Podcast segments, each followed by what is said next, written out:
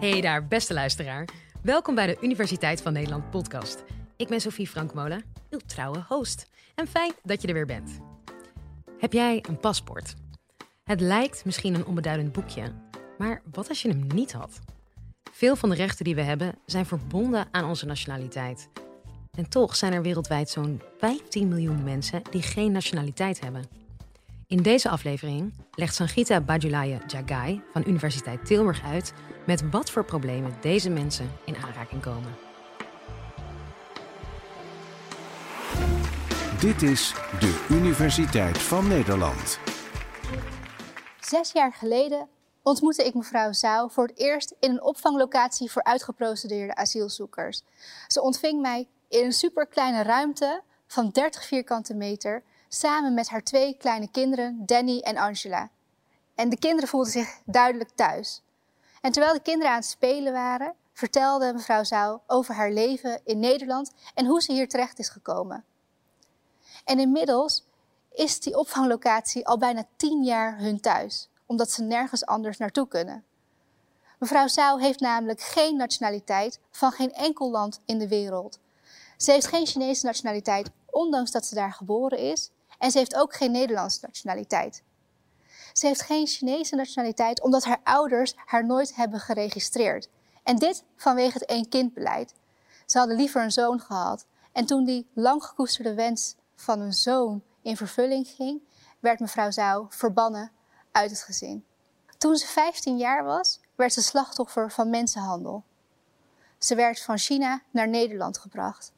En ze hoopte stiekem wel op een beter leven in Nederland, maar in plaats van een beter leven moest ze hier in Nederland zien te overleven. Ze werd gedwongen om de prostitutie in te gaan en ze moest illegaal werken in eettentjes. En nog steeds bevindt mevrouw Zouw zich in een uitzichtloze situatie, maar nu met twee kinderen die niet worden erkend door hun vader. En hoewel we ons misschien kunnen inleven hoe moeilijk deze situatie voor hun moet zijn, zien we vaak een belangrijke oorzaak over het hoofd. Mevrouw Zouw en haar twee kinderen zijn staatloos. Maar wat is staatloosheid nou eigenlijk? En hoe gaan we hiermee om in Nederland? Het is een verborgen onderwerp waar mensen weinig of niets vanaf weten. En met dit college wil ik daar verandering in brengen. Ik doe onderzoek naar intrekking van nationaliteit aan Tilburg University en daarnaast zet ik me in bij het enige instituut dat zich wereldwijd inzet tegen staatloosheid, namelijk de Institute on Statelessness and Inclusion.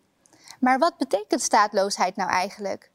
Een staatloos persoon is een persoon die door geen enkele staat volgens diens wetgeving als burger wordt beschouwd. Wereldwijd bestaan er 15 miljoen mensen die staatloos zijn. En het, wordt, het probleem wordt nog groter, want elke 10 minuten is er ergens in de wereld een staatloos kind dat geboren wordt. En om te begrijpen wat staatloosheid nou echt inhoudt, moeten we de waarde van nationaliteit kunnen begrijpen. Jullie hebben waarschijnlijk allemaal wel de Nederlandse nationaliteit. En het lijkt zo'n vanzelfsprekend iets dat mensen daarmee vergeten wat ze te danken hebben aan die nationaliteit. Het betekent, jullie horen erbij. Nederland zorgt ervoor dat jullie je meest fundamentele mensenrechten kunnen genieten. En het biedt ook een sociaal vangnet als het niet goed gaat. Een nationaliteit maakt je tot wie je bent. Het is een onderdeel van je identiteit. Want samen met andere landgenoten zijn we ontzettend trotse Nederlanders tijdens het WK of tijdens de Olympische Spelen. En we kunnen ook onze zorgen uiten over diezelfde Nederlandse maatschappij zonder angst te hebben om opgepakt te worden of gemarteld te worden. Onderzoek toont ook aan dat nationaliteit meer is dan een juridische band. Het geeft namelijk een kans om je sociaal te hechten met het land, omdat je ouders er vandaan komen, of je voorouders, of misschien omdat je partner er vandaan komt. Aan nationaliteit zijn rechten en plichten gekoppeld. Je hebt het recht op gezondheidszorg, je hebt het recht op onderwijs, het recht om te reizen. En je hebt ook plichten. Je hebt de plicht bijvoorbeeld om belasting te betalen. En waarschijnlijk sta je hier nooit bij stil, omdat het zo normaal is. Nou ja, behalve bij dat belasting betalen, daar staan we allemaal wel bij stil. Um, maar waar het hier om gaat, is dat staatlozen in hun dagelijkse leven meemaken dat ze op allerlei manieren worden uitgesloten als volwaardig onderdeel van de maatschappij. Ze hebben geen rechten. Ze hebben geen stemrecht, geen recht om te studeren aan de universiteit. Ze hebben geen recht om te reizen, om bijvoorbeeld familie op te zoeken. En zonder nationaliteit is er vaak ook geen land dat zich verantwoordelijk voor je voelt. Daarom zijn staatloze mensen extra kwetsbaar om slachtoffer te worden van mensenhandel of van gedwongen prostitutie, zoals we bij mevrouw Zaal al zagen. Zonder nationaliteit kan je ook geen band opbouwen met het land waar je woont, want je hoort er vanaf begin af aan al niet bij. Er zijn ontzettend veel oorzaken voor staatloosheid, bijvoorbeeld statenopvolging, discriminatie van vrouwen, het intrekken van nationaliteit, maar ook tegenstrijdigheden tussen nationaliteitswetgevingen van verschillende landen. En wereldwijd zijn er heel veel staatloze groepen, waaronder de Rohingya. De Rohingya zijn 's werelds meest vervolgde minderheidsgroep. Ze worden verdreven uit Myanmar. Ze zijn doelwit van geweld, verkrachtingen, moorden, simpelweg vanwege hun geloof en hun etniciteit. Ze zijn moslims in een voornamelijk boeddhistisch land en ze hebben een andere etniciteit. Ze wonen in Rakhine State, wat grenst aan buurland Bangladesh. En ondanks dat ze daar al generaties lang wonen, denkt de overheid nog steeds dat ze illegale migranten zijn. Hier zien we heel duidelijk dat discriminatie gekoppeld wordt aan nationaliteit. In de nationaliteit-wetgeving bestaat er namelijk een lijst van 135 rassen en etniciteiten die wel worden erkend als burger. En in 1982 zijn de Rohingya uit die lijst geschrapt. Op deze manier is dus de Myanmarese nationaliteit van hen ingetrokken. En de daaropvolgende generaties Rohingya die geboren werden, werden automatisch staatloos gemaakt. Momenteel zijn er ruim 1 miljoen mensen die gevlucht zijn uit Myanmar. Maar dat heeft nog steeds geen beter leven gegeven. Ook in de buurlanden blijven ze staatloos en ze bevinden zich in het circuit van illegale migratie. Het is een van de grootste humanitaire rampen van deze tijd. En als we kijken naar het internationaal recht, zien we dat staatloosheid lijnrecht staat tegenover afspraken die landen met elkaar hebben gemaakt als het gaat om het hebben van nationaliteit. We zien bijvoorbeeld in de universele verklaring voor de rechten van de mens dat eenieder het recht heeft op een nationaliteit en dat van niemand willekeurig de nationaliteit ontnomen mag worden. Nu we het hebben gehad over staatloosheid en uh, intrekken van nationaliteit wereldwijd, zou je denken dat dit alleen maar gebeurt in ongeëmancipeerde en ondemocratische landen. Maar ook in Nederland kennen we staatloosheid. Misschien niet op zo'n grote schaal als in Myanmar, maar daardoor is het juist een verborgen probleem in Nederland. We zien in Nederland namelijk dat mensen staatloos zijn geraakt door hele specifieke individuele omstandigheden. En het is jammer dat er geen aandacht is voor staatloosheid in Nederland. Als het gaat om nationaliteitsdiscussies, zijn we hier namelijk ontzettend gefascineerd door ontneming van nationaliteit van terroristen. En daar ben ik ook schuldig aan, want ik schrijf er een heel proefschrift over. En het is ook niet verbazingwekkend dat we hier zo gefascineerd over zijn. Want we willen natuurlijk ervoor zorgen en dat onze maatschappij een veilige maatschappij blijft en dat terroristen ook worden gestraft voor hun daden. Laten we een kort uitstapje maken naar dit onderwerp. In 2017 is er namelijk een controversiële wet aangenomen waarbij de minister van Veiligheid en Justitie de Nederlandse nationaliteit kan intrekken van mensen met een dubbele nationaliteit, als dit in het belang is van de nationale veiligheid. En zonder dat hier een strafrechtelijk proces aan vooraf gaat. Er zijn ontzettend veel zorgen gekoppeld aan deze maatregel. Laten we het hebben over de grootste zorg, de effectiviteitsvraag. Het is namelijk heel makkelijk om te zeggen dat terroristen niet meer mee mogen doen in onze maatschappij en dat ze beter verbannen kunnen worden van onze maatschappij. En intrekken van nationaliteit zou ervoor moeten zorgen dat zij buiten de grenzen worden gehouden. Dit is precies wat politici verkondigen. Maar is het echt een goede oplossing?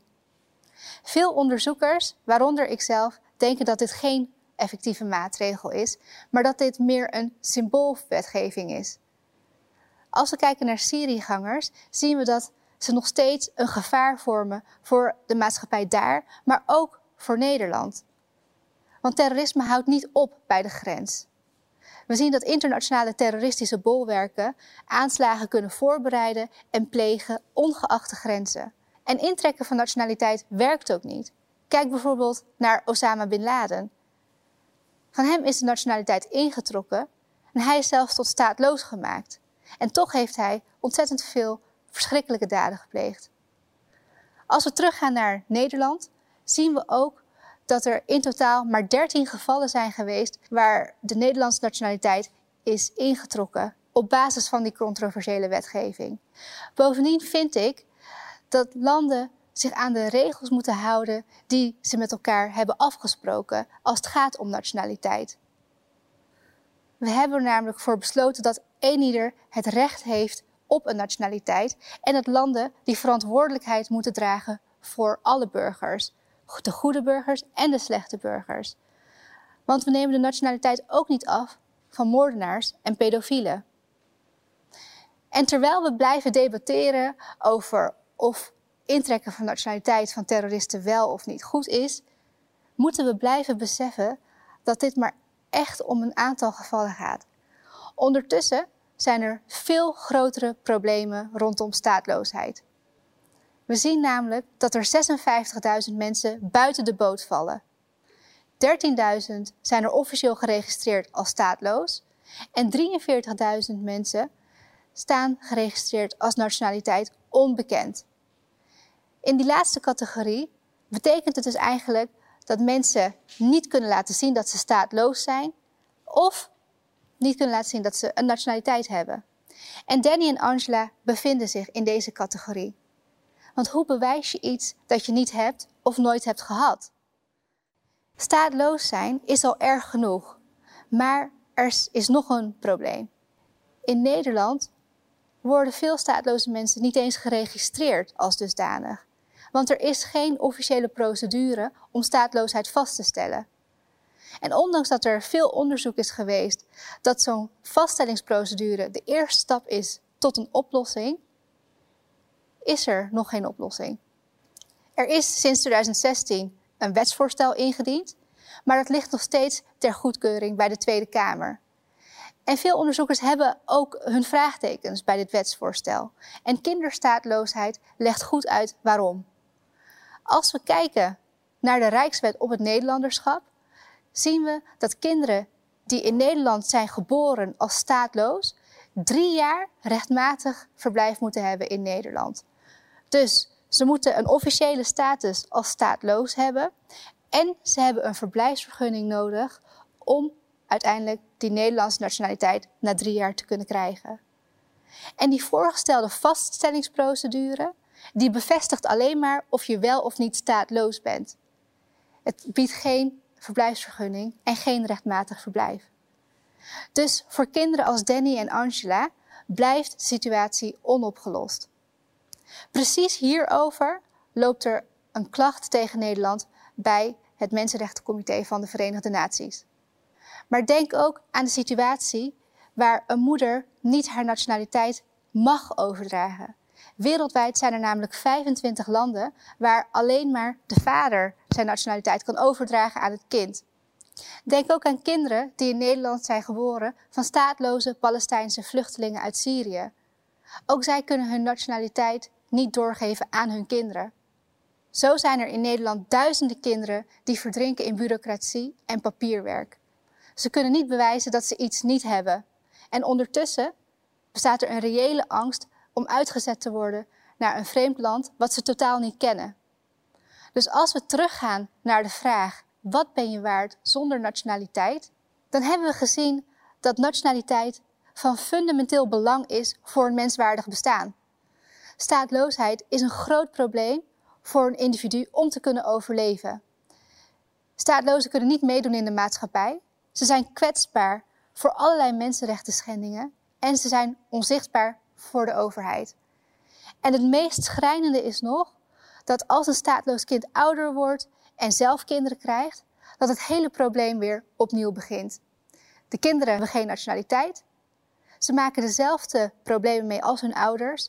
En ze bevinden zich dus in een vicieuze cirkel waar ze niet uit kunnen komen. Armoede en ellende blijft over generaties heen bestaan op deze manier. En het is tijd dat hier verandering in komt.